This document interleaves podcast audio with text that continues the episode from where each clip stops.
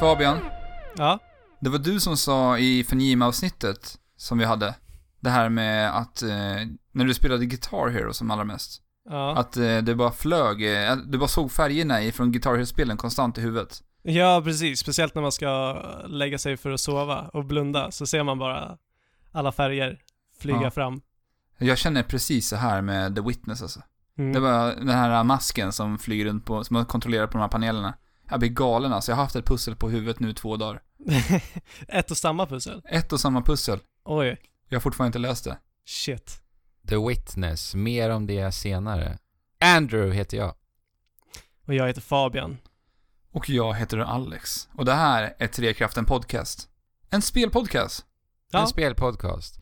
Och innan vi snackade Witness tänkte vi prata om eh, en gnällande flicka. Gnällande lycka. I, eh, Kvinna. En kvinna, givetvis. Ja. Eh, både du och jag Alex har ju spelat eh, äventyrsspelet Rise of the Tomb Raider. Precis. Jag har spelat det på Xbox One och du har spelat den nyutgivna på- PC-utgåvan. Precis. Det är då Crystal Dynamics som ligger bakom det här spelet. Och det här är ju en direkt uppföljare på eh, Tomb Raider som eh, ju- hade en liten reboot kan man väl nästan säga. Ja, precis. Ja, ja. Precis. För två år sedan. Mm. Eh, och ja, vi är återigen på matinémanér ute i världen med Laura Croft då. Och nu den här gången för att eh, söka sanningen bakom en massa mysterier igen, givetvis. Eh, men nu får vi ju se eh, Laura som verkar va- ha tillbringat en hel del tid till att eh, forska kring evigt liv. Något som hennes pappa höll på med innan han, han dog då. Ja, precis. Så hon eh, fortsätter det här eh, grävandet i det här, där han lämnade det. Ja. Och det, hon gör ju det här för att ehm, kunna förstå på ett djupare plan och, och lite bekräfta för henne själv vad hon fick beskåda i det första spelet. Eh, och det var ju då att hon fick se den här odödliga Mm. typen. Så det är lite därför hon verkar då nästan vara besatt av det här. Ja, och sen just för att hon vill rent få sin pappas namn också. Precis.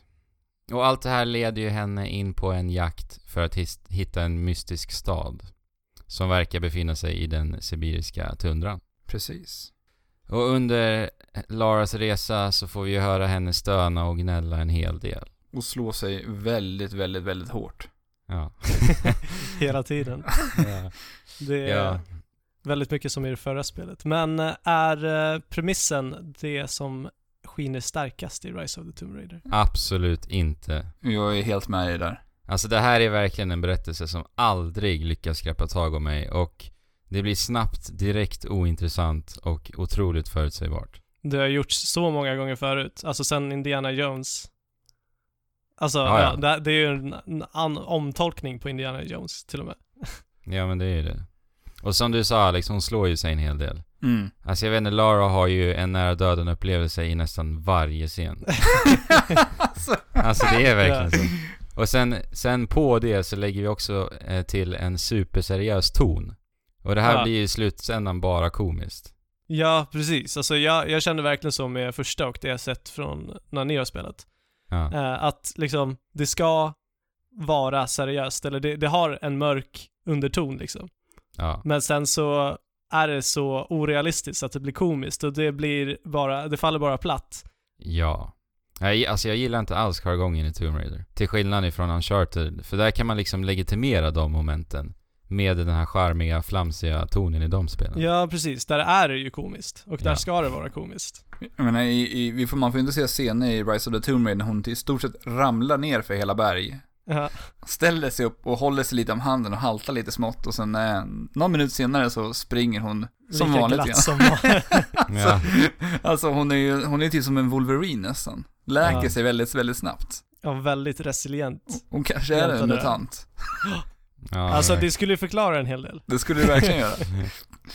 ja. Men jag vet inte, Alex, eh, både Uncharted-spelen och eh, nu den här nya, senare Tomb Raider-spelen har ju mycket så här skriptade eh, Scenerna. scener. Mm. Vad tycker du om dem i Rise of the Tomb Raider? Alltså, ja, jag tycker att eh, de, de, de, de har ju verkligen gjort dem för att det ska kännas som en actionfilm. Mm. Så Ja, Mm. ja. det ska verkligen fånga det här, eh, Man får ju ändå, man får ju se scener när hon, hon blir jagade utav hel- helikoptrar. Ja, precis. Men det är väl lite den funktionen de typen av scener ska fylla liksom. Mm. Ja, men det känns som att de kommer så himla frekvent. Ja, det jag tycker är så tråkigt i Rise of the Tomb Raider med deras eh, skriptade se- sekvenser, det är att de eh, utspelas från exakt samma kamera varje gång. Alltså Ja. bakom Laura så du ser hennes rygg och du springer framåt. Det, det finns, de är liksom mer dynamiska och påhittiga i Uncharted-spelen. Mm, det skulle jag nog också säga. Så de känns eh, tråkiga helt enkelt i Rise of the Tomb Raider. Det är bara att springa, håll, håll spaken uppåt och hoppa på A-knappen i princip. Men någonting jag tycker är väldigt synd med Rise of the Tomb Raider, för Rise of the Tomb Raider är ett väldigt, väldigt snyggt spel och den här, äh, det här Sibirien som har skapat i det här spelet tycker jag är väldigt, väldigt vackert ändå. Ja, det, Ja. det är haktappande fint. Ja, och jag tycker att man, eh, man utnyttjar inte den här världen till fullo. Nej. Det är så här, många ställen springer man förbi för att det är så att det, fin- det finns otroligt mycket sidouppdrag man kan plocka på sig på vägen. Men det är ändå det här, äh, det är ändå på något sätt ett, en öppen värld.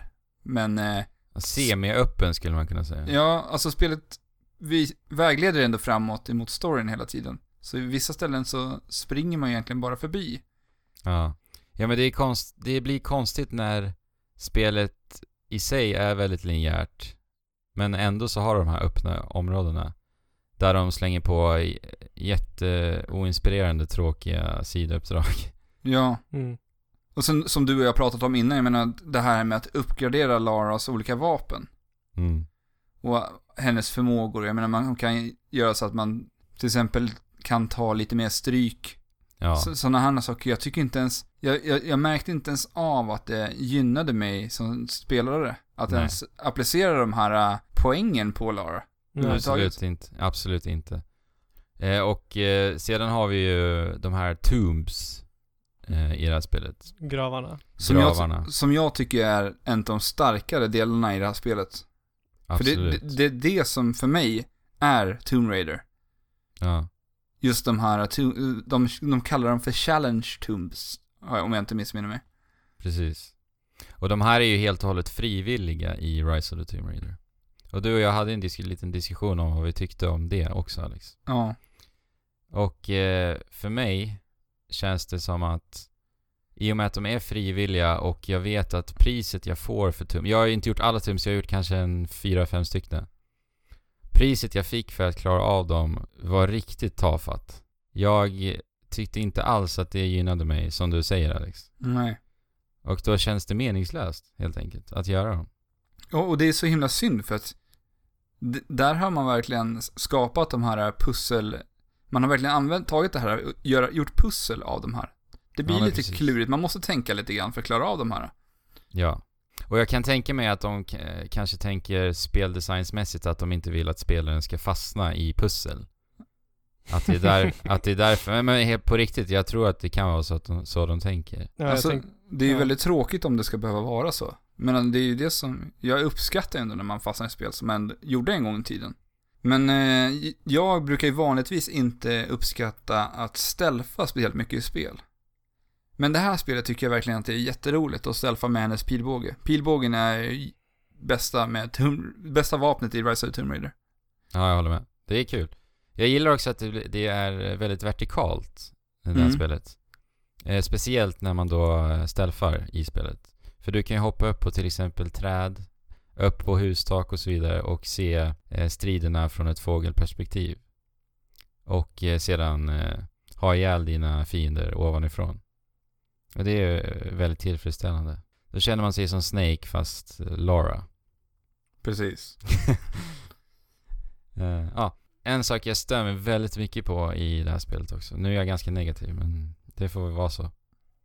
Eh, Det är att eh, alla de här spelmekaniska momenten som de här specifika ställena där du till exempel kan använda ditt rep för att svinga med eller barriärer som du kan förstöra och, så, och liknande. Mm. Att de är så övertydligt designade och påklistrade i spelvärlden. Och det gör, jag tycker att det gör att illusionen bryts totalt och jag gillar inte det alls. Nej, till exempel när man kastar sig med den här äh, yxan. Fäst till Ja. ett rep som man kan använda sig för att slunga sig mellan olika plattformar. precis. Då är det som en krok som ser identisk ut på alla, plattform, på alla platser i hela spelet. Ja. Precis, allt ser exakt likadant ut på alla platser. Alltså jag förstår inte det. till det- och med, till och med i de här u- uråldriga platserna man besöker. Och det är li- precis likadant med ammunitionslådor och dylikt. Det enda som pilarna kan fästa på är reprullar, typ. Ja. Något annat som, eh, ja, som jag ändå tycker att det är skönt att det finns i det här spelet, det är att man, man kan ju faktiskt stelfa sig till viss del igenom det här spelet. Mm. Och det tycker jag är väldigt tillfredsställande att kunna göra det. Att liksom ta sig förbi m- ett par vakter och sen, Ja. eh, sen kunna progressera längre fram i spelet. Jag gillar ju att man inte behöver döda dem också. Mm. Men sen kommer det till någonting som gjorde mig jätteirriterad. Det kommer till som platser där du blir tvungen att ha ihjäl alla fiender för att kunna kom- ta dig vidare överhuvudtaget. Mm. Mm. Och det är många sådana. Ja, det är Sekvens. många. Och det, är- jag tycker att det är, det, det är synd tycker jag att man gör så. Men Ja. det är, alltså s- hela slutdelen av det här spelet känns ju som en enda skjutfest alltså.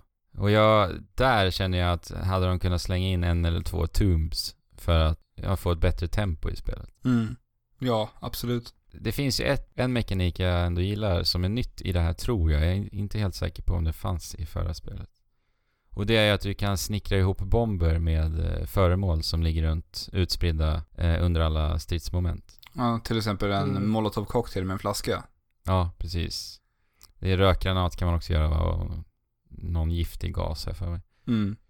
Eh, men jag tycker att det gav ett litet extra lager till striderna faktiskt. Och det var kul att använda. Så det kan bli dynamiska strider om man är lite påhittig liksom. Mm. Men eh, sen det där med stealth- stealth-systemet, en sak jag störde mig på enormt mycket, det är att blir du upptäckt av en enstaka fiende i en millisekund, Så är alla där direkt. då är hela slagfältet uppmärksammat. Ja. Det känns också tafatt. Eh, till- Speciellt när man är van vid mästarnas mästerstelf i Metal Gear Solid. Nej men det här är ju, det är, ju- det är ju mera Tomb Raider. De bjuder inte så mycket på så mycket mer nytt. Det som är nytt är väl de här mer omfattande gravarna egentligen. Och de är frivilliga alltså. Alltså jag kan tänka mig att det här är ett spel som många kan uppskatta som gillar att göra mycket sidouppdrag. För sidouppdragen är, i och med de här tumsen är ju väldigt välutformade. Men jag känner att jag har ju personligen inte den tiden att sitta och eh, ta mig igenom hur många tum som helst. Nej. Nej men jag kan tänka mig alltså för folk som tycker om achievements och liknande så kan det... Då blir det ju mer än att du bara får en uppgradering till exempel när du klarar av en sån här gravtumb då. Mm. Men för mig så seglar inte skeppet eh, hem Nej. tyvärr.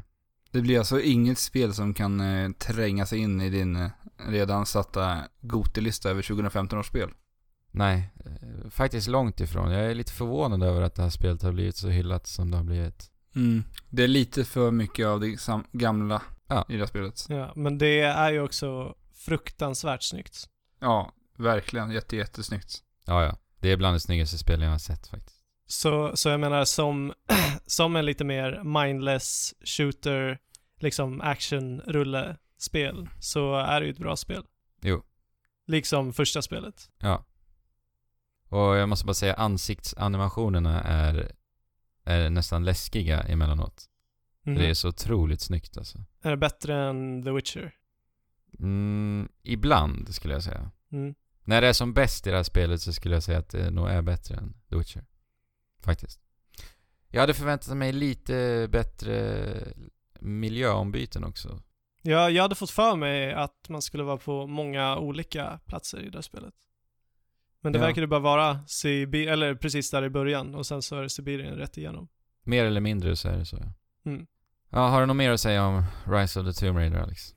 Nej, jag tror jag känner mig ganska klar där faktiskt. Men Andrew, du blev ju väldigt, f- eh, vad säger man, förvånad över hur eh, de hade gjort frysande människor, eller när Lara fryser.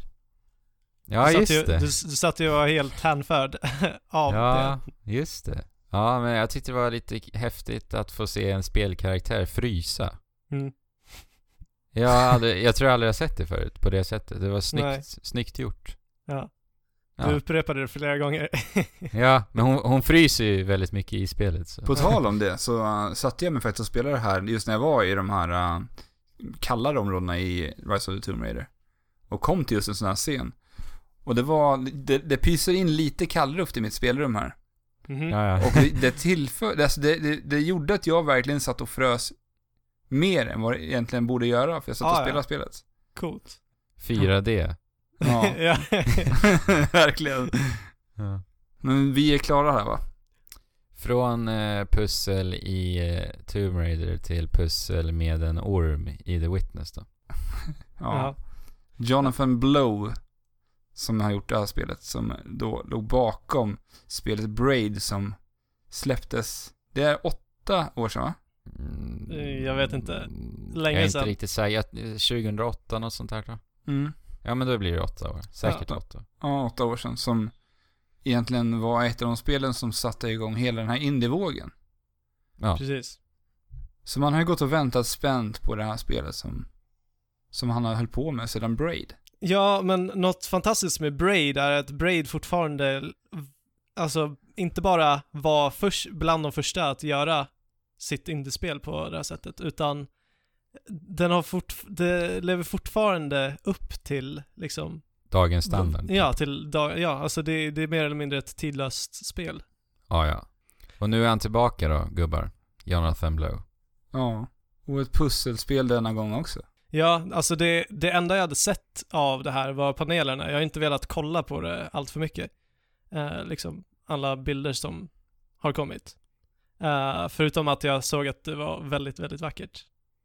Men det kändes så här till en början, lite, måste jag erkänna, att liksom panelpussel, hur intressant kan det göras egentligen?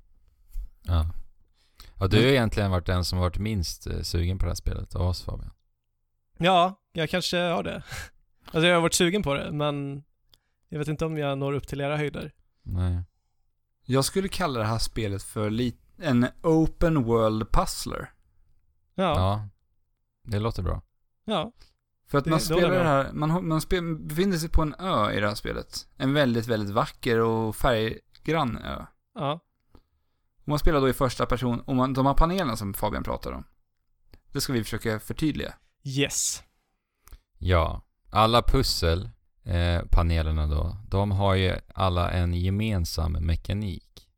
Och det är ju att dra en linje från en startpunkt till en slutpunkt. Och startpunkten markeras då med en stor, större cirkel på äh, den här, äh, Panelen. precis. Mm. Och eh, man rör sig då i ett rutnät med den här cirkeln, eller med den här eh, linjen. Ja. Masken kan vi kalla det nu. Det är därför Ja. vi sa mask. Yes. Så tänk er Snake i ett rutnät, från A till B. Ja. Och i det här pusslet så är det massa olika symboler som betyder det ena och det andra. Eh, Mm. Som sätter olika regler i det här rutnätet. Som Ja. du måste följa för, alltså, för att klara pusslet, Precis. helt enkelt. En mekanik som introduceras väldigt tidigt in i spelet är ju det här att man ska dela upp. I det här rutnätet så finns det då svartvita ikoner. Ja. Där man ska försöka avmarkera dem så att de svarta blir separerade från de vita. Ja, precis. Ehm, det finns också så här punkter som du måste gå igenom i det här rutnätet som liksom tvingar dig att gå en viss väg, men det kan verkligen komplicera saker. Men varför, lo- men varför löser vi de här äh, panelerna egentligen? Det är f- f- för att komma vidare, men vi vet inte riktigt varför vi gör det i Nej. slutändan. Men det, det är ju en kabel som lyser ifrån varje pussel när man löser dem. Så lyser en kabel upp kopplad ifrån de, dessa paneler. Yes. Så kan man då följa kablarna för att s- hitta till exempel en dörr där du öpp- som du öppnar via, genom att lösa ett pussel. Ja, Ja, det är där, genom dem man kan ta sig vidare helt enkelt. jo, precis. Och, och se, sedan så är, det är en öppen värld som sagt. Det är, det är liksom sektioner kan man säga, att det är uppdelat i. Mhm. Hela världen. Och, och de är nästan uppdelade i olika element också. Man kan säga att det är typ en, eh, lite mer vatten, alltså en hamn och sen finns det en öken, en höstdel. Ja. Jo, precis. Och alla de här baseras på olika typer av pussel. Ja. Ja, de är fokuserade på en specifik mekanik. precis. Och alla, som- och alla skiljer ju sig avsevärt från varandra. ja, Men, men inlärningskurvan är ungefär densamma hur du lär dig dem. det börjar med lite enkla mm, pussel för att liksom l- introducera dig för tankesättet. Ja, och sen blir det precis. mer och mer avancerat. Det är så otroligt tillfredsställande när man till slut helt och hållet förstår Ja, en ny mekanik, tycker jag. Men på tal om det här med inlärningskurvan så är det något som det här spelet jag tycker, jag tycker det gör otroligt bra. Med att lära dig hur, det- hur du ska spela det här spelet. ja verkligen. för, för det är absolut ingen dialog i det här spelet överhuvudtaget. Nej. Ingen, inga textbubblor som kommer upp som, som beskriver hur du ska göra. Nej. Utan det är då, oftast, oftast är det de här panelerna där det sitter ihop fem, sex stycken paneler bredvid varandra. Mm. Det brukar oftast liksom säga att här kommer du att lära dig någonting nytt. Ja, Ja. precis. Och det, jag tycker att det är- gör det så otroligt snyggt att lära dig hur du ska spela The Witness. Ja, ja. Ja, ja, jag, jag har inte spelat något sånt här det på är väldigt, väldigt länge. otroligt väldesignad game design. Ja, Ja, ja men det, det är ju verkligen här The Witness glänser tycker jag, i hur du lär dig alla pussel genom design mm, i spelvärlden. Mm. Att du lär dig alla regler, upptäcker alla hemligheter i din egen takt också. ja verkligen. I och med att det är en öppen värld som sagt, du kan gå var du vill, när du vill. Ja, och ibland så stöter du på paneler som man liksom inte först förstår sig på. Och det liksom finns ingen möjlighet att lösa dem riktigt, för att du har li- inte eh, den kunskapen som du behöver. När du Nej. tittar på dem och hjärnan liksom kämpar för att klura ut att det kanske finns någon tänkbar logik i det hela. Ja. Men i slutändan så tänker du ändå så här, vad fan i helvetes alla helveten är det här?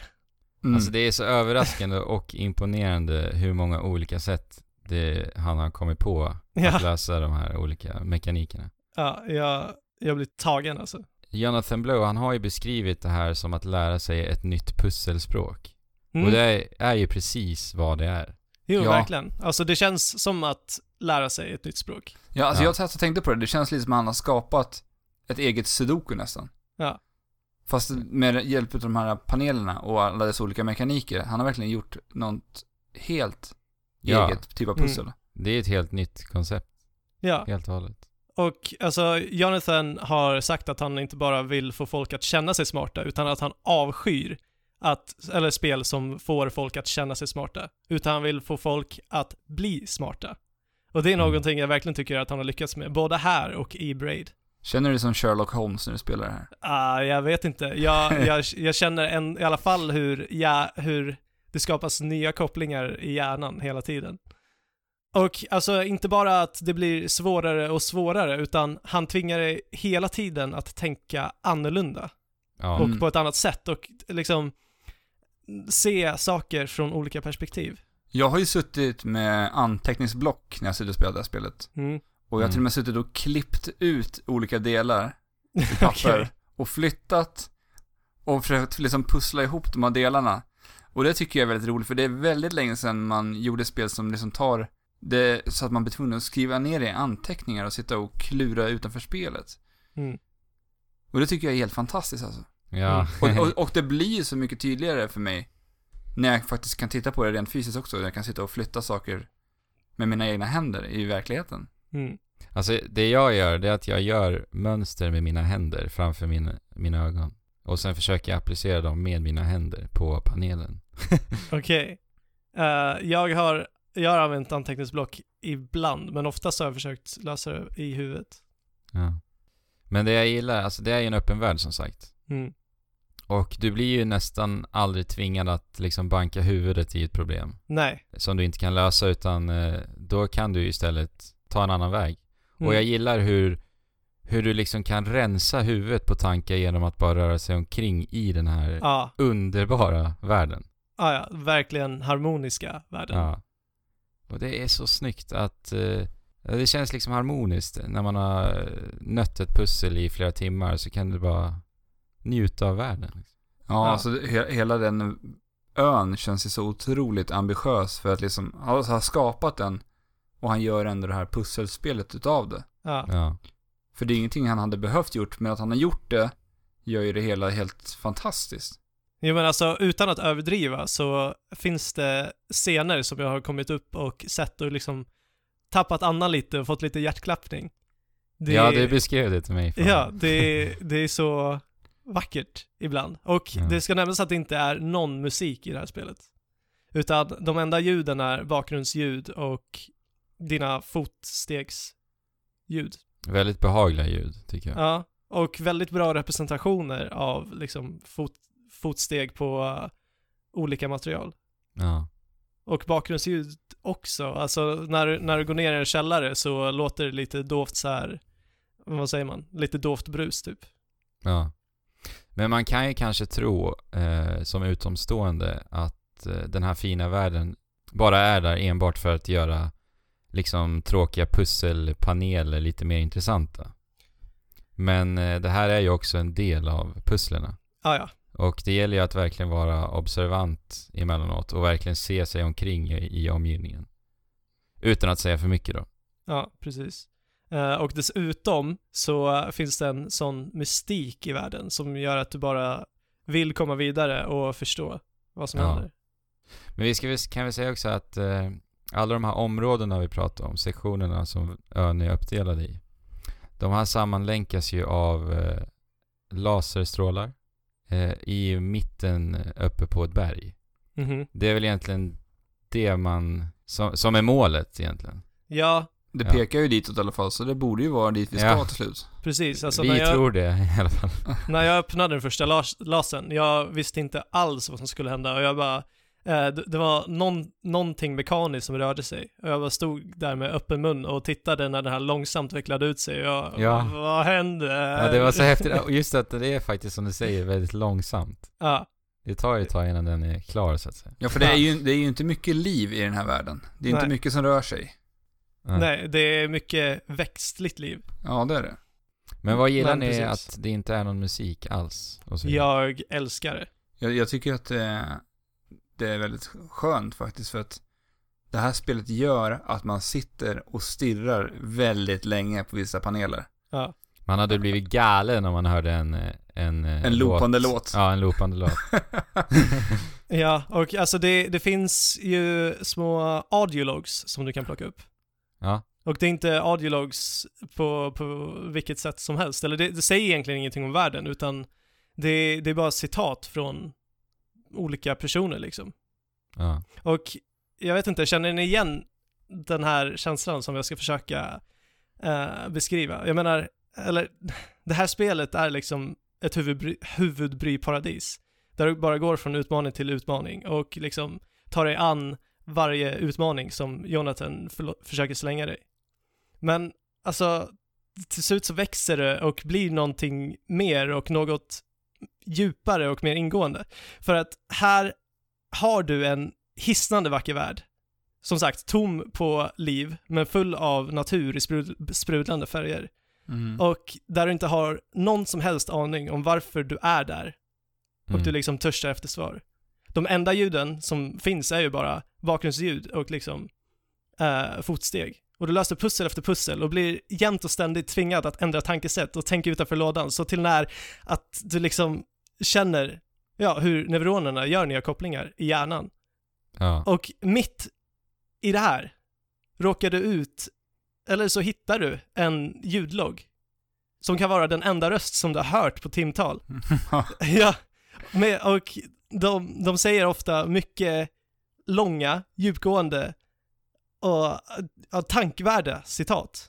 Och där, ja. där får jag liksom en känsla som jag aldrig har känt förut och som jag inte riktigt kan sätta ord på. Ja, du beskrev ju för mig Fabian att du abs- absorberar information på ett annat sätt. Ja, eller det, det är en känsla jag aldrig någonsin, som sagt, aldrig har känt förut. Och jag vet inte, det är, jag, jag vet inte vad Jonathans tanke med det här är när han masserar våra hjärnor och sen bara trycker in budskap där. Jag vet inte om det är någon typ av hjärntvätt, men vad han än gör så gör han det på mig i alla fall. Ja, han leker ju ofta med en i det här spelet. Ja, alltså verkligen mental lek. Det, det känns som han sitter där uppe och bara ha ha ha ha. Ja, Ja, det, det, där känns känner, verkligen Det så. där känner jag igen också.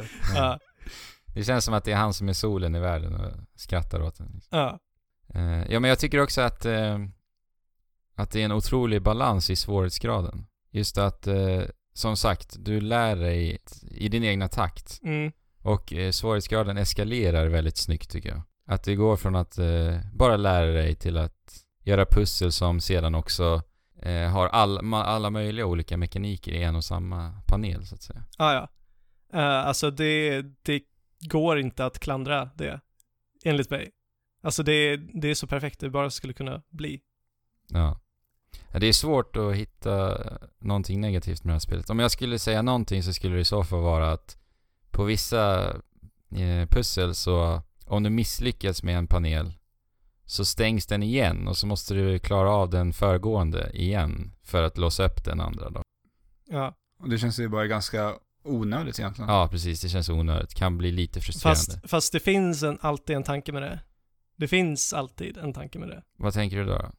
Ehm, jag kan ju inte säga Nej, nej, du någonting, menar att man liksom. ska kolla på vad man har gjort, men då... Jag tycker inte att det tillför ändå, att Nej. du ska behöva göra om den, Fast faktiskt. du, när, när du har klarat det där pusslet så kan jag förklara för dig. Ja, men Fabian, det är inte det enda stället, det har ju hänt flera gånger. ah, ja, okej. Ehm, Mm. då, då vill han inte att du bara ehm, helt hjärndött testar olika lösningar, utan då vill han att du hittar den lösningen som finns runt Jo, men omkring jag dig. förstår inte mekaniken. Varför skulle det bli lättare för mig att göra det? Inte lättare, han, han gör det ju utmanande, men det, det är ett sätt för spelet att säga att det, du tänker fel, du måste tänka om. Ja, fast jag köper, jag tycker bara att det, alltså jag säger inte, det här är det enda lilla detaljen jag kan hitta som jag tycker är negativ. Ja, jag tycker det fortfarande inte är negativt.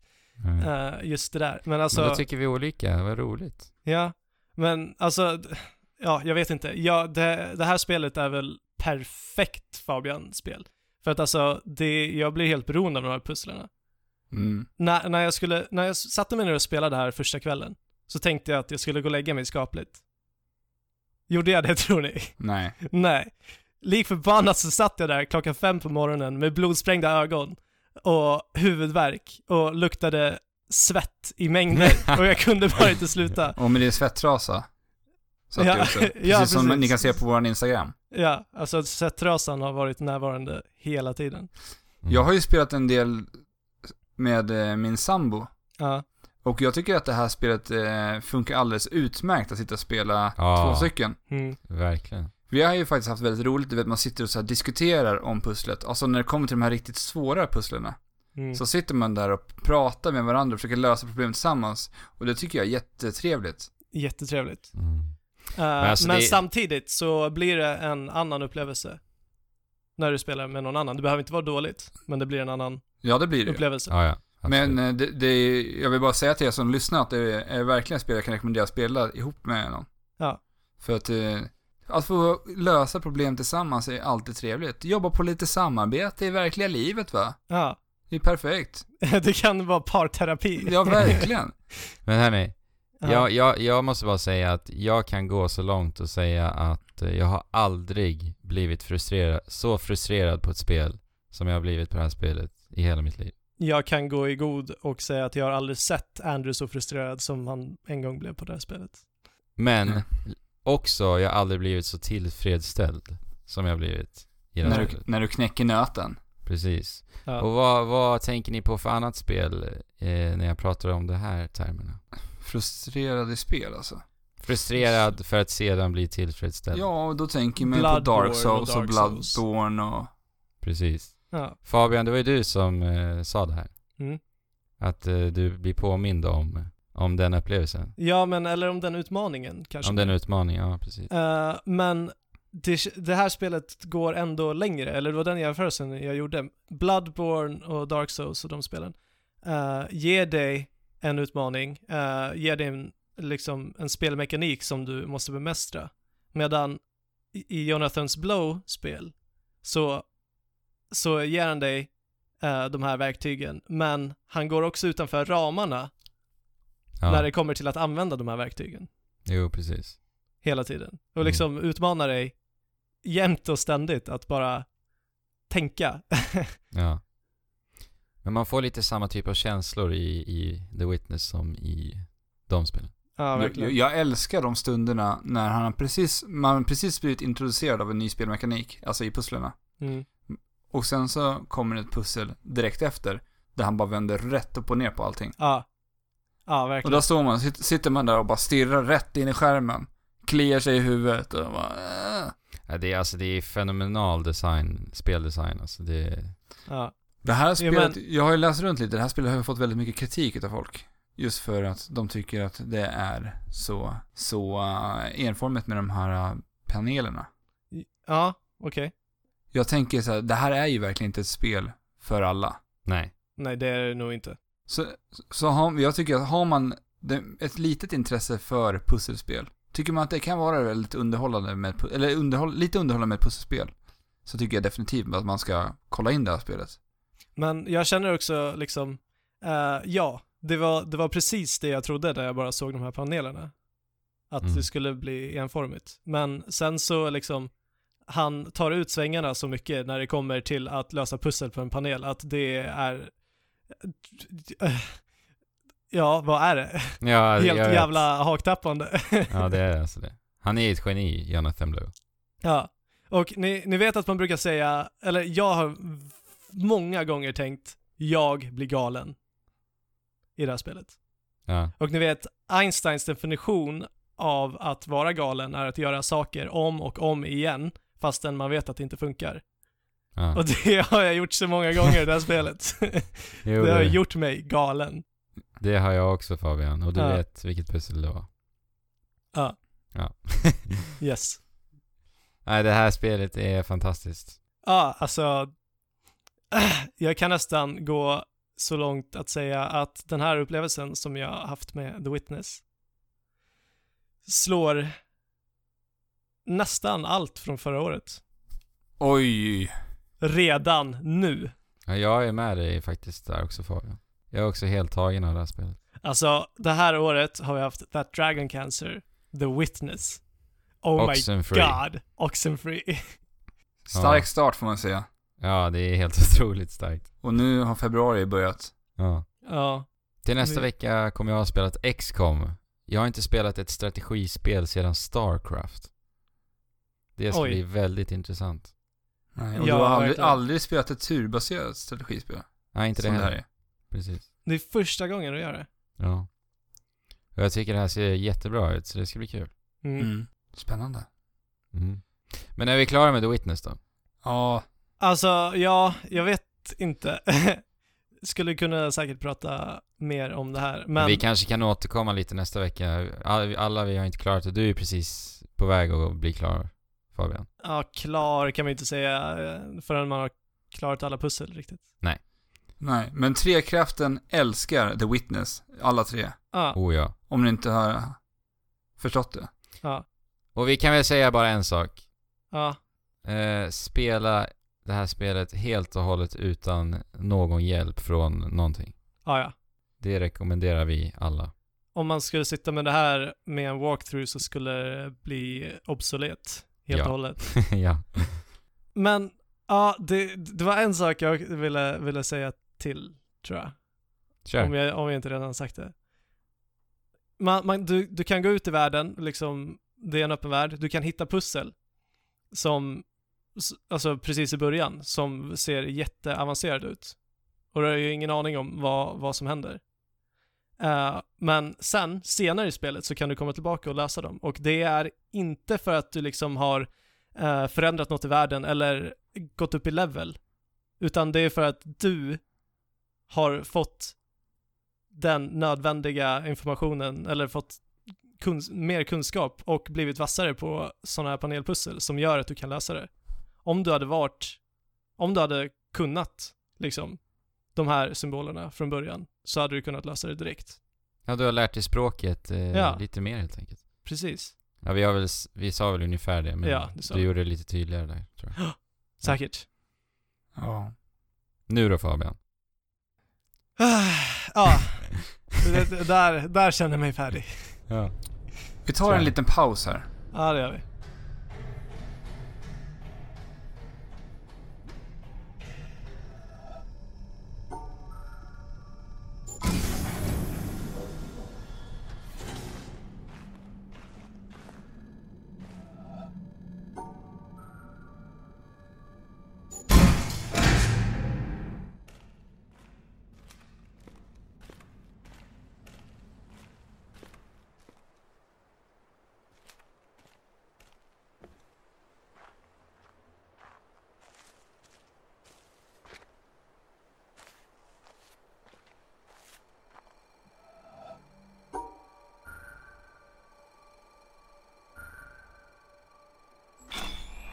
Så där låter alltså The Witness. Underbara ljud, eller hur? Ja. Fantastisk soundtrack. Nu lämnar vi The Wit- Witness, The Witness, och... och... The Witness. och sen så undrar jag vad ni tycker om Early Access-spel? Jag har ju fortfarande bara spelat ett enda Early Access-spel. Mm, Jo, men samma här. Eh, jag vet inte, det är inte riktigt... Jag, jag uppskattar inte riktigt det, men det är kul att möjligheten finns där för andra. Men Ja. jag vill gärna spela mina spel när de är färdiga. Jo, precis. Ofta är ju early access-spel sådana här som är öppna och där du inte liksom riktigt har något speciellt mål. Det är ingen progressiv story liksom på samma sätt. Eh, det kan väl förmodligen vara det antar jag. Jag har också bara spelat ett early access-spel, men själva konceptet är jag verkligen skeptisk mot. Jag har inte spelat ett enda. Nej. Nej men, eh, Steam har ju en uppsjö av en massa early access-spel. Du, du, du kanske går, eller det är ofta jag går in och så här kollar på ett spel som, som verkar intressant. Och sen så säger jag, aha, det är early access. Oj, då vet jag inte ens om det någonsin kommer bli färdigt. Eh, så att då avstår jag hellre från det. Det hände En- mig idag faktiskt. Ja, Mm. vad är det för spel? Nu minns jag inte vad det hette, men det var någon som... Var det Mm, där- slime, slime Farmers? Eller var det? Jag nämnde det för dig för strunt samma, jag minns inte riktigt vad det hette. Ranch, Slime Ranch, skitsamma.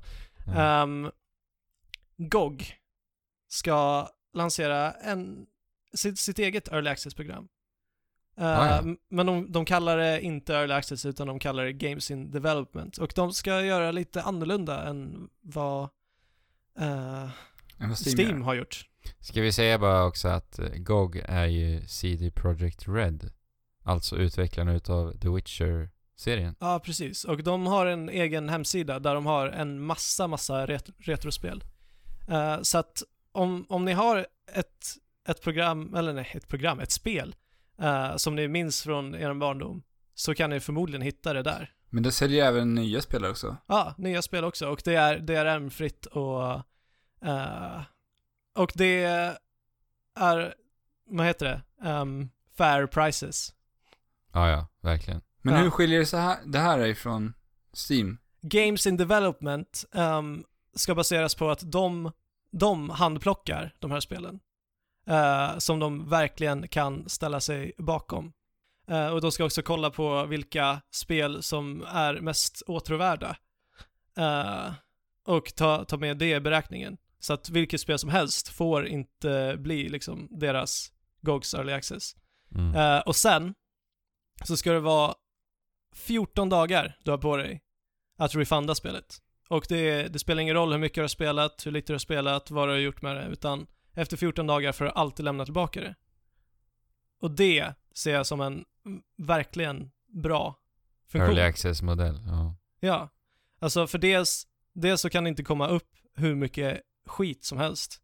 Nej. Och dels så ger den fri, dig en frihet att testa på de här. Eh, och, liksom, och det är inga strings attached liksom. Om du inte tycker om det så kan du bara skicka tillbaka det. Ehm, och sen kommer de också ha någon typ av funktion där du kan gå tillbaka till tidigare versioner av spelet i fråga. Jaha. Eh, Häftigt. och göra i princip vad du vill med det, som jag förstår det. Men det borde ju också bli eh, en aningen lättare att hitta intressanta Early Access-spel. Jo, verkligen.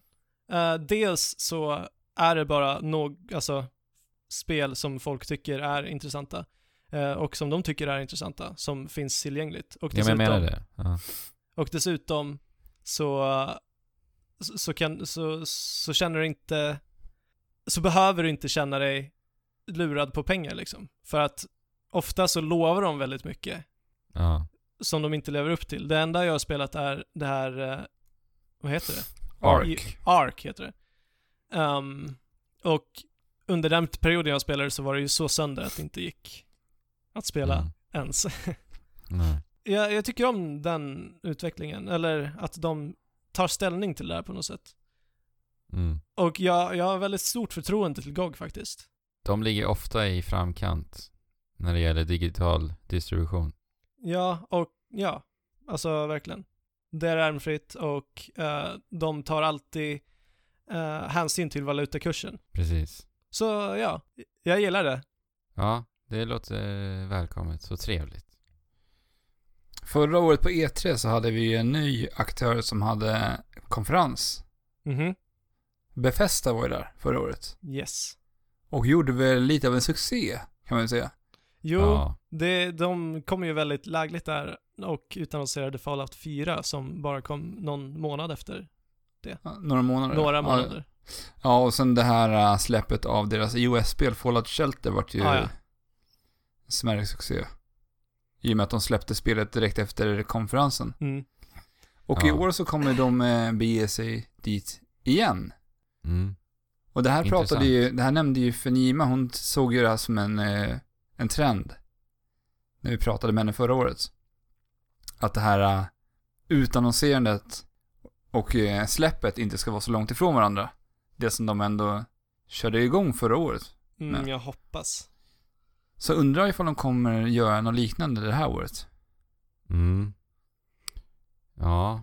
Vad har Befesta, för- vad ligger de bakom? De, vi har ju Dishonored 2 som är utannonserad i alla fall. Ja. Ja, det kommer ju definitivt, definitivt att visas. Mm.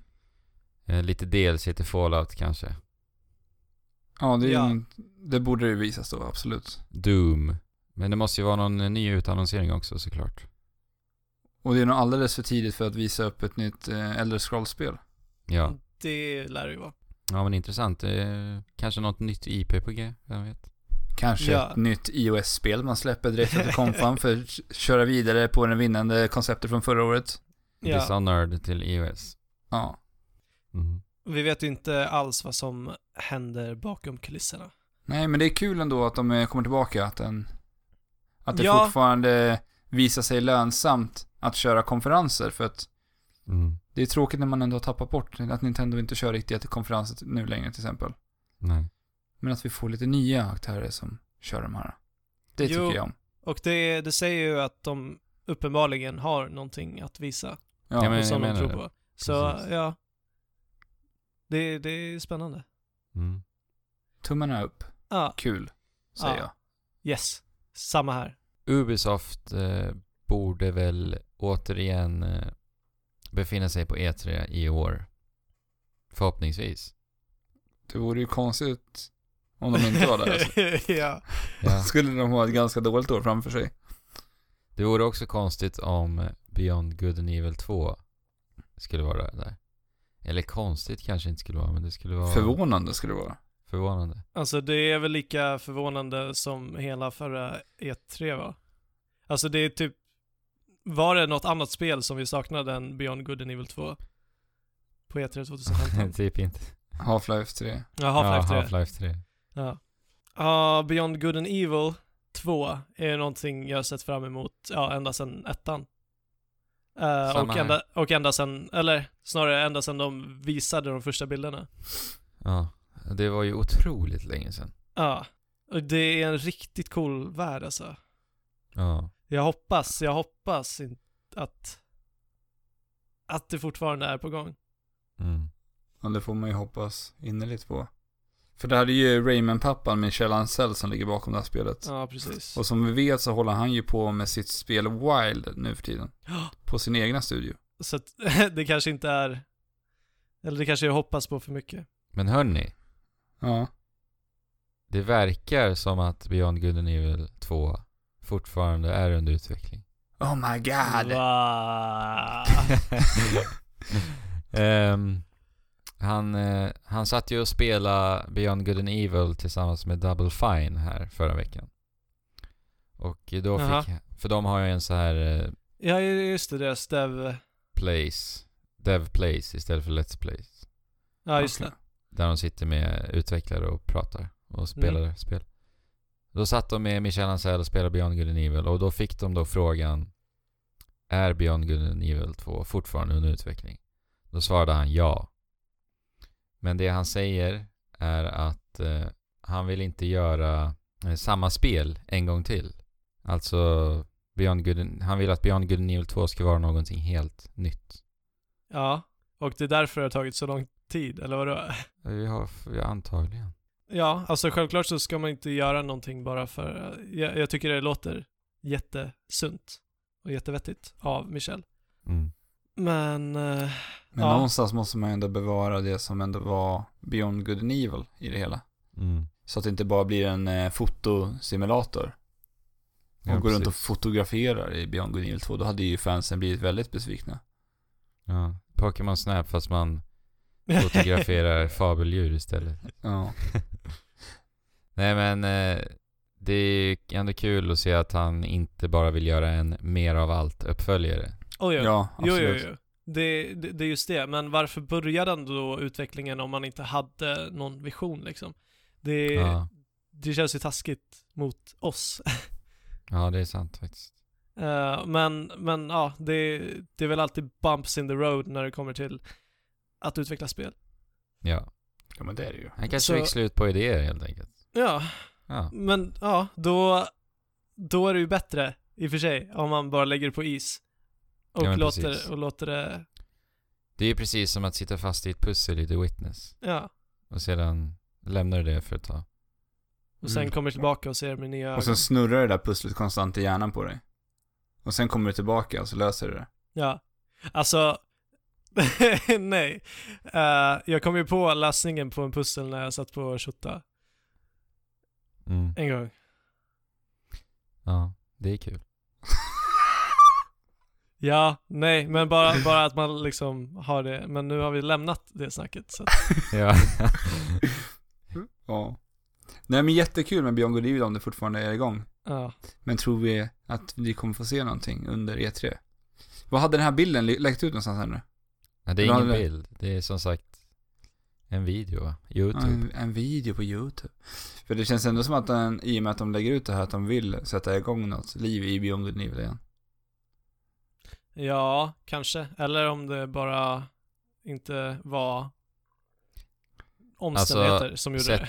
Sätta igång liv i Beyond Good and Evil. Det har ju de gjort några gånger. Och Ja. Det har ju inte visat sig utmynnas till något större tidigare. Mm. Men vem vet, va?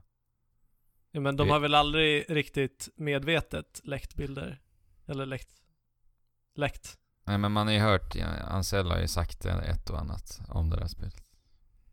Ja, vi får hoppas, vi får hoppas. Men, men det är under utveckling i alla fall. Ja.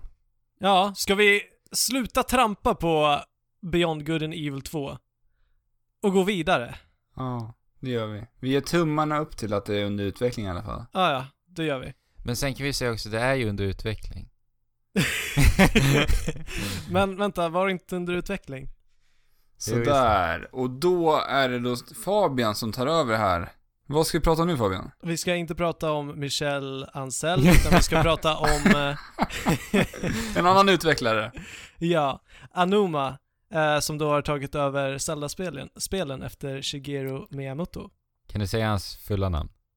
Eh, A.G. Anuma. Mm. Tog Yes. över då vid Majoras Mask. Precis.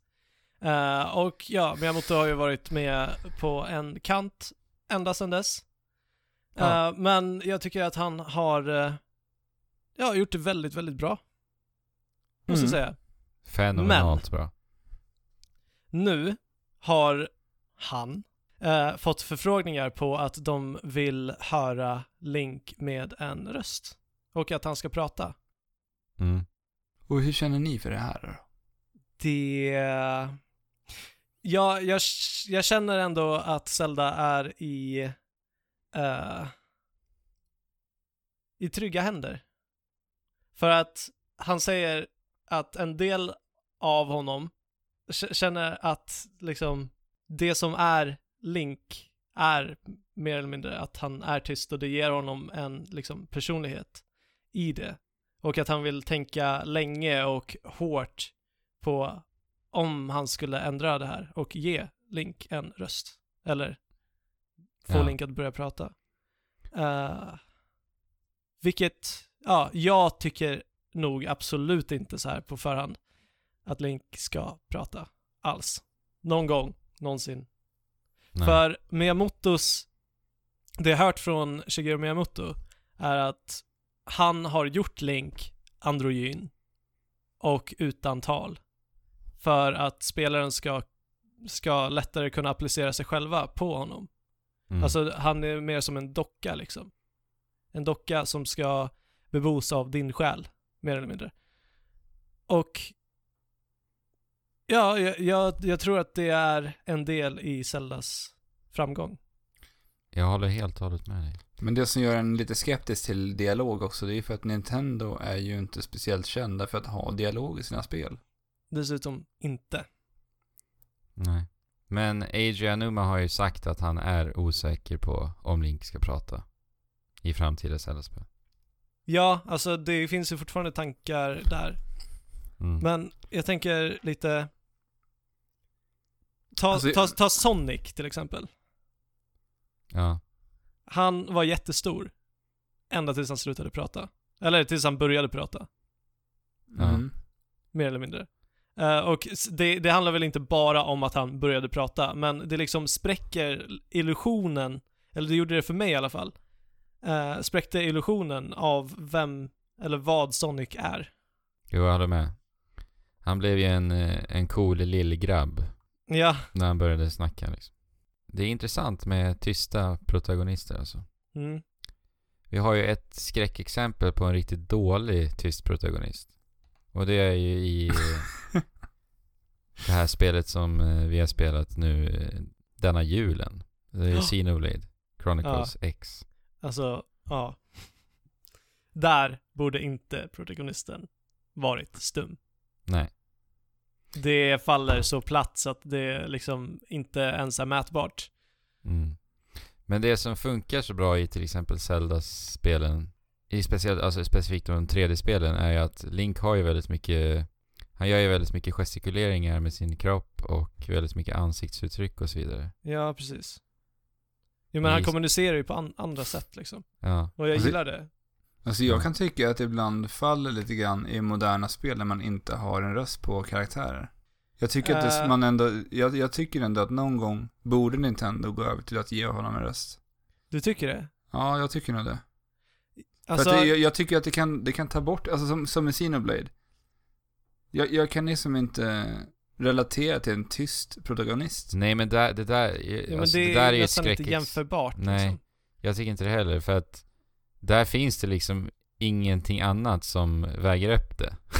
Nej. Nej, men alltså jag, jag tänker när man har nått den punkten när Zelda ser liksom sådär, det är super, eh, s- det här är otroligt vad heter det, högupplöst. Tänk ett Twilight Princess, det man förväntar sig av ett Twilight Princess fast liksom i toppmodern 1080p-upplösning.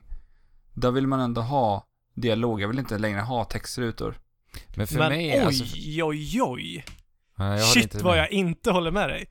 Alltså, jag, jag gillar jättemycket när det är textrutor och de pratar på något flummigt gibberish sätt istället. Jag, jag, jag tycker snarare att liksom röster kan bryta illusionen av Jag tycker absolut att det kan Vad det fortfarande är. vara kvar eh, gibberish-språk och sånt. Där det kan vara texter i de situationerna. Men just med det här tysta protagonister tycker jag känns som en, en tid som är över. Inom Alltså, spelen. för mig alltså, jag tror att det, för mig skulle det in- det inte kännas Zelda på samma sätt. För- För när jag spelar Zelda-spel då liksom hoppar jag in i en magisk sagovärld. Mm. Där jag stöter på roliga, förluriga karaktärer. Ja men precis, man vill inte att det ska vara verklighetstroget. Nej, precis. Eller jag vill inte. Nej, jag, jag vill inte heller det. Och till exempel om man skulle möta Tingle och han prata istället för att säga sin tjolimpap. ja. Jag vet inte om jag hade, jag hade nog inte gillat det alls lika mycket. Nej men alltså det, det är ju en del av design, designen i spelet. Mm. Och det, det kanske grundar sig på att det har varit begränsat med resurser. Men det är fortfarande effektfullt. Ja, jag, jag håller med dig Fabian. I just Zelda. Ja, men om vi kollar på liksom Metroid. Eh, Samus har aldrig pratat. Sen började de prata i Other M. Jag har inte spelat Other M, men jag vet att jag fått väldigt, väldigt mycket kritik för det. Ja. Men det var ju för att de här Team Ninja hoppade in och skulle göra spelet också. Ja, och ja, de är väl inte kanske dialogmästare. Nej. Men alltså grejen är att Eh, i men- Metroid-spelen så funkar det ju också alldeles utmärkt att Samus inte säger ett ord. Det bidrar ju till hela atmosfären, Ja, tycker jo jag. verkligen. Jo men ja, Jack, eh, Jack and Daxter, Jack pratade inte i första spelet, sen började han prata. Där har vi ett exempel som funkar väldigt, väldigt bra, tycker jag. Eh, när att började prata. pr- Ja, att prata. Ja. Det Jo. var skärmigt i ettan när han inte pratade. Och det, jag tr- skulle inte säga att det är bättre när han pratar. Men det funkade väldigt bra. Jo. Eh, Alltså, det, det är ju jättesvårt där, för alla, när, man, när, man, när det kommer till Zelda, alla har ju applicerat en viss personlighet på sin Link. Och alla ser ju på Link på olika sätt. Ja, precis. du, Och du, det, du har ju din Link. ja. Och det är väl där det skulle liksom krocka om man skulle applicera en röst på honom. Jo, men verkligen. Men jag Och- skulle ändå tycka att det var kul att se Nintendo försöka göra någon, någonting spännande med, med Link. Jag tycker ändå att det hade varit intressant att få se det. Ah, ja, ja. För jag- jag ja, tror ju ja. Det, ändå- det, jag- det håller jag med om. Det hade varit intressant. Jag hade inte, spe, inte spelat ett Zelda-spel bara för att ja, Link skulle prata i det. Jag skulle fortfarande ja, omfamna det med samma entusiasm. Mm. Men sen hur det skulle te sig, det, det vet jag inte. När det handlar om just Zelda. Och jag tycker att en del av storheten med Zelda och Link är just att alla har sin version. Ja, precis. Sin Link. Men sen så, frågan är ehm, om det här handlar om att han ska börja få texten. Alltså b- bara få en textrad och prata. Eh, för, det, för det har ju funnits i Zelda. eh, s- ja, sen, eh, sen hela tiden. Att folk pratar. Det, det är dialog. Ja. Eller om han ska få en röst. Alltså för mig skulle jag helst eh, vilja att det är som det är. Tror Jo, jag. men jag, tror, jag tror också att jag skulle vilja ha det och inget alternativ av de två är bättre än det andra. Nej. Riktigt. För det är ju allt, ja. Nej, för det är alltså mycket personlighet lyser igenom i text. Ja, men man ska ju fortfarande inte försöka, alltså liksom, håll, stampa, stå och stampa kvar på samma plats bara för att det är det man har lärt sig är rätt. Utan, d- ja, självklart hade det varit intressant. Men, Ja, absolut. men jag vet inte hur mycket du skulle tillföra. Nej. Uh, alltså... Jag har en tanke här, men den flyger mig. Den flyger mig. Tanken flyr alltså Fabian just nu. Tanken flyr Fabian. Jag har halva min tanke fortfarande kvar på The Witness. Ja, Ja. Har du någonting kvar att säga där? Där har vi ju en tyst protagonist i The Witness också. Mm. mm. Som man endast kan se skuggan av. Precis. Mm. Men Mm. inga, inga, inga ben eller någonting. Man ser bara skuggan. Finns det någon spegel någonstans man kan spegla sig i? Nej, inte vad jag... Spännande att se hur han ser ut till slut. Ja, Om man Mm. får det. kanske. Ja. Ja, vi har- nej.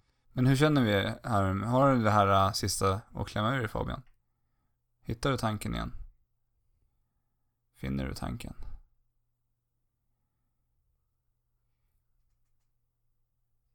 Nej.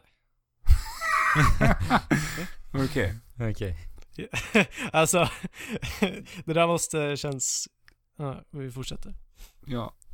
Men eh, då var vi klara med nyheten för den här veckan. Ja, Det var inte så jättemycket den här veckan som har dykt upp. Alltså, det var väl nej. ändå en del intressant ändå. ja, en del intressanta. Ja. Men jag kom på nu, hörni. Mm. Mm. En tyst eh, protagonist. I det här fallet så är det en... Eh, det är en protagonist. Detective Pikachu. Ja! Herregud, hur Ja, kunde vad jag är- glömma det? Vad är det för spel egentligen? Alltså, eh, Pikachu. Du har alltid sett Pikachu som den här söta lilla råttan som säger sitt namn på ett jättesött sätt. Ja, Ja. Nu är han ju typ Sherlock Holmes. Ja, så kommer Detective Pikachu, där Pikachu pratar i en jättemörk röst, älskar kaffe och ja, älskar söta tjejer. ja. Det är liksom, det spräcker hela, hela bilden av någon Pikachu man någonsin har tänkt sig. Men det här spelet ska komma till eh, vilken plattform? 3DS? Mm. Väl? Ja, jag har för mig det. Ja. Ehm, det, det är inte så mycket liksom gameplay som Pikachu, vad vi har fått reda på. Eh, utan det, det det ska spelas lite som Ace Attorney-spelen liksom, att det, det är inte direkt eh, helt och hållet interaktivt utan du bara klickar på olika saker typ. Mm. Lösa gåtor och sånt där. Ja, precis. Ja, ja. Och- Spännande. Nå- är, någonting du som- nöjd med, Vad sa du? pra- är du nöjd med Prat Pikachu? Eh, ja, jag ty- där tycker jag det verkligen är jätteintressant. Men där eh, kan de också rättfärdiga det universumet. Meowth har ju alltid pratat i animeserien liksom. Eh, Ja. Och detsamma gäller den här Pikachu. Men om en Pokémon ska lära sig prata så, så är det på be- bekostnad av hans, eller av den Pokémonens eh, förmågor. Så att den här Pikachu kan inte alls liksom framkalla el på samma sätt som en vanlig Pikachu kan, utan ja, alltså hela hans hjärnkapacitet har gått åt att lära sig eh, Ja, Men- så de, de får människornas offra språk. lite. ja, de offrar sina förmågor helt enkelt. Precis som Meowth och det är därför han är så pinsamt eh, svag. Det här visste inte jag. Fick man lära sig någonting nytt om Pokémon-universumet? Ja, Det visste och- inte jag heller. Och ehm, i det här spelet Detective Pikachu så är du Pikachu och så är du en pojke som löser gåtor tillsammans. Pojken går runt och pratar med människor medan Pikachu kan prata med alla Pokémons. Vilket är ganska coolt. Ja, faktiskt. Det kan bli intressant. Spännande, spännande, Mm. spännande. Det ser jag fram emot. Man, jag tän- man tänker ju, eller inte man, men jag tänker alltid Pikachu som eh, Ash. Ashes Pikachu. Ja. Jo men, Men det, det det, är- är, inte Mm. konstigt. Nej. Men det är ju klart att det här är en annan va? Ja. Jo precis, jag älskar hans röst. så det, det blir verkligen dissonans i huvudet. Verkligen oväntat spel alltså. Ja. Ja, det får vi se. Roligt. Såg det inte komma. Nej. Ska vi hoppa till veckans frågor? Veckans frågor. Veckans Moonfast-fråga. Ja. Ska jag läsa den? Kör hårt. Vad känner ni när ni tänker på alla timmar ni har lagt ner på spel? Finns det någon ångest och skuldkänslor, skuldkänslor? Eller känns det enbart rätt? Fabian, Mm. du har ju spelat World of Warcraft, hur känner du inför det nu så här? Du måste ha lagt ner en jäkla massa timmar där. Ja, det var ju några timmar. Mm. Eh, självklart så hade jag kunnat lägga det på någonting mer produktivt. Men finns det någon absolut. ångest eller skuldkänslor där kvar eller? Alltså, ja. Det, det finns det väl. Ja. Ja, men jag, jag måste säga det, för att alltså det... Man kan alltid tänka så här, vad skulle ha hänt om jag hade lagt så här mycket tid på någonting annat liksom? Mm. Ugh, det är så Eh, tråkigt. Ja, det, prata om. men man ska inte liksom tänka så. Det, det gör ingen liksom gladare. Det gör verkligen inte dig gladare. Och jag, jag vill inte den som liksom gräver ner mig i eh, det förflutna på det sättet. Men det finns ju bara, man, man kan ju bara lära av det liksom. Ja. Så att alltså numera så är det sällan jag spelar spel som jag känner att jag får någonting utav. Om vi liksom om vi tar The Witness nu som jag spelade senast, eller That Dragon Cancer som jag spelade dessförinnan. Jag ångrar inte en sekund av de upplevelserna som jag haft med de spelen. Men hur Nej. känner du Andrew inför dina, alla dina timmar som du la ner på när du var en sån här achievement-missbrukare? Ja. Nu tittar jag på mig. Alltså, grejen är att om jag tänker tillbaka där och då, när jag aktivt valde att eh, ständigt jaga efter de här achievements-poängerna, så var ju det lite av mitt liv. Och jag, och jag älskade ju det. Ja, Jag tyckte ju verkligen att det var jätte, jättekul. Och det var ju därför jag gjorde det. Så Mm. att det är liksom, det är, s- att sitta nu och säga att jag har ångest och skuldkänslor för det kan jag inte riktigt göra. nej alltså det här var ju en tid, det var ju verkligen hela ditt liv det här. Jag hittade ju nyligen en video på dig när du tog den sista achievementen i Guitar Hero 2. Mm. Ja, den finns på YouTube. Ja, och du blir helt galen. Ja. Den tillfredsställelsen Jo. du kände under den tiden. Ja. Nej men jag, ja, nej jag, jag hade kul då. Mm. ja. Du då Alex? Alltså det, det är väl inte direkt någon ångest eller skuldkänslor egentligen. som ni båda säger så känns, kändes, har det alltid känts rätt just då när man har gjort det. Men eh, jag la ju ner, jag har ju sagt det förut att jag spelade rätt mycket Street Fighter 4 och la ner väldigt mycket timmar på det. Mm. Jag spelade dagligen under eh, månader. Mm. Jag hade som en grej att jag skulle spela minst en timme varje dag Mm. när jag kom hem. Och jag vart ju aldrig riktigt sådär bra som jag ville bli. Nej. Så, jag åkte ju på rätt mycket däng fortfarande. ja. Och jag kände, jag tyckte väl att det var ganska jobbigt att känna att jag aldrig varit så bra som jag borde blivit med det antalet timmar jag spelade. Det var ju något frustrerande. ja, ja, självklart. Men eh, ja, det är väl det jag kan komma att tänka på. Men alltså, Men du har ingen ångest av det? Nej, Nej. det var ju bara en viss frustration. Just då liksom. Ja, Mm. ja. Alltså, så det, där, det där kan man ju säga om exakt allting du gör. mm. Och jag menar, eh, visst, tv-spel kanske sticker ut lite eftersom att det alltid har sett som ja, tidsfördriv. Enbart för att döda tid. Ja. Mm. Men, eh, ja, nej, generellt så säger jag nej. Ja, nej. Säger jag också. ja, jag säger det också nej då. Hur- Ha, vad, vad känner ni då, kanske? Vi ska säga. Mm. Är det någon där ute som har fått skuldkänslor? Eller ångest för att de har lagt ner på tok för mycket tid på spel? Så kan ni ju höra av oss till oss. Jag kan tänka mig att många har till exempel haft, eh, fått problem med, med relationer och liknande. På grund Ja. av speltimmar. Men Ja. ingen av oss va? Nej, precis. Nej. Och där, när, när det handlar om så grava problem så är det ju ett missbruk. För att Ja. det, absolut finns det någonting som heter spelmissbruk. Mm. Och det är när det går ut över ditt liv.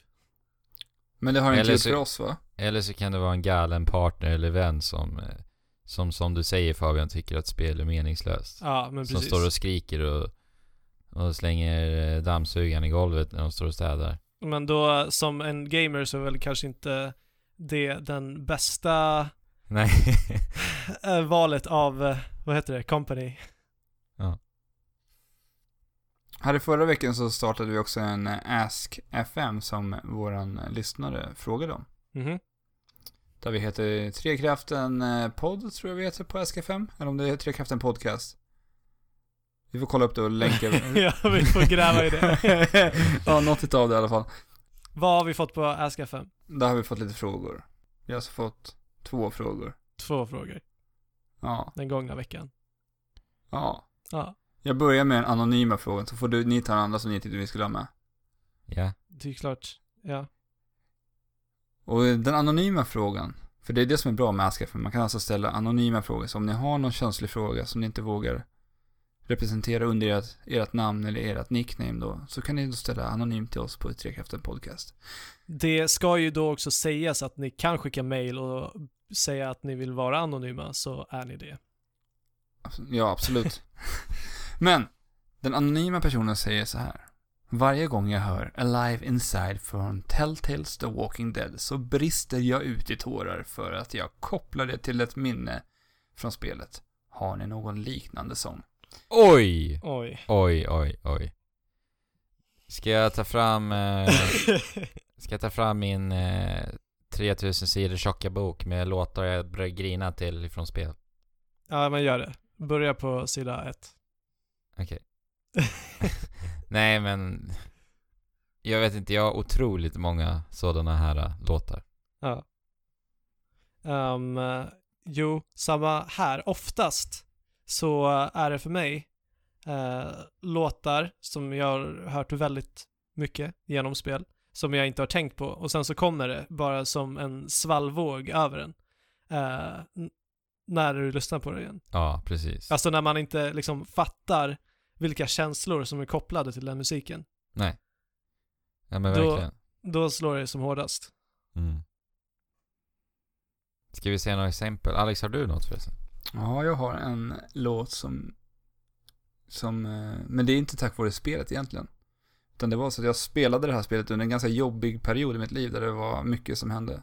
Mm. Mm. Och spelet jag spelade var det här Prince of Persia när de gjorde den här, eh, rem- eller den här eh, rebooten av det. Ja, Ja, just det. precis. När de gick med den här cell-shaded eh, designen. Ja. Mm. Och till det här spelet så hade Sigur Ros gjort en låt som heter Sai- Saiglopur. Ja. Ja. Som, eh, när jag hör den varje gång så blir jag, jag, jag, jag vet inte, jag kan knappt lyssna på den här låten. För att ja, jag, den det- är makalöst vacker alltså. ja. Men eh, det var så jobbigt under den tiden så att jag vet inte, det- jag blir väldigt känslomässig när jag hör den. Mm. Men det är en Ett sånt fantastisk låt. spel, eh, ett sån, en låt som eh, liknande för mig. Det är ifrån Mass Effect 2. Jag vet inte exakt, eller 3 förlåt, Mass Effect 3. ja. Jag vet inte exakt vilken låt det är. Eh, så. Men när jag hör den så är det samma för mig. Det var en jobbig tid i mitt liv. Ja. Och det var... Jag spelade det spelet i en jobbig tid i mitt liv. Och det kanske var ett dåligt spel att spela i en jobbig tid. ja, det är inte det gladaste spelet. Nej. Nej. Ja. Eh, jag, jag satt här och ritade en kväll och satte på en så här spellåt-playlist på YouTube. Där det fanns massa, ja, lite gott och blandat helt enkelt. Mm. Ehm, och eh, vi nämnde att jag spelade WoW här förut. När WoW kom, så eh, kom det, eller innan det kom, så kom det med en trailer som hade en musik i sig och den trailern har jag tittat på så ofantligt många gånger. Men jag hade helt och hållet glömt bort liksom hela den låten och hela den trailern. Men när den låten kom, ja, jag, jag, jag s- vet inte. Det Jag blev brann. väldigt känslosam. Du bröt ihop. Jag bröt. Inte ihop, men det... Känslorna bara brann inom mig. Ja, men det är så härligt med sådana här låtar tycker jag. Mm. Mm. Kul, bra fråga.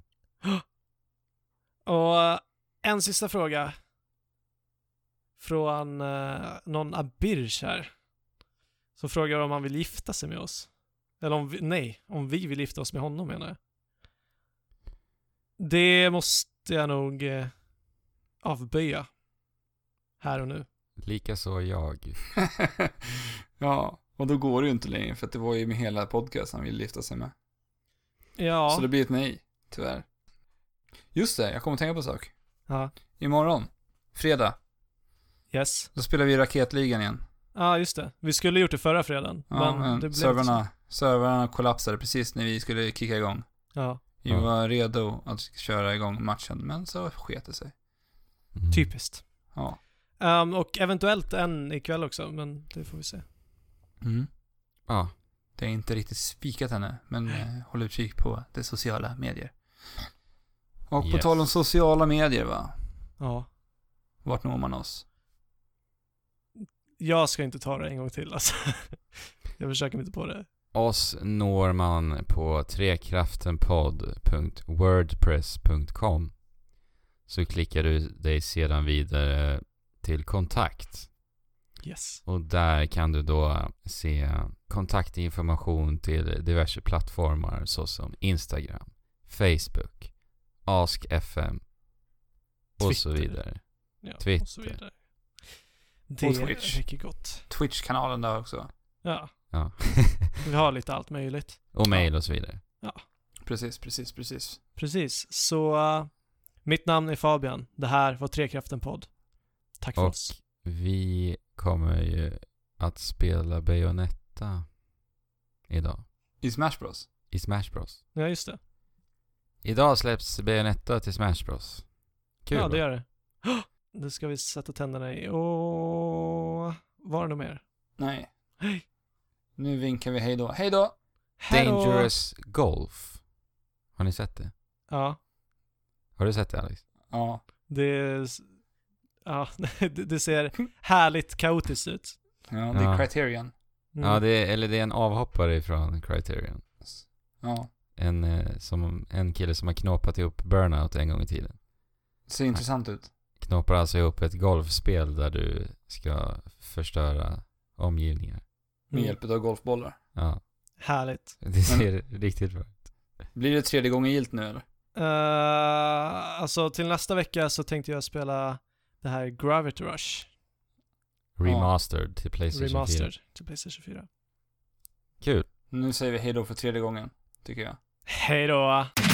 Thank you.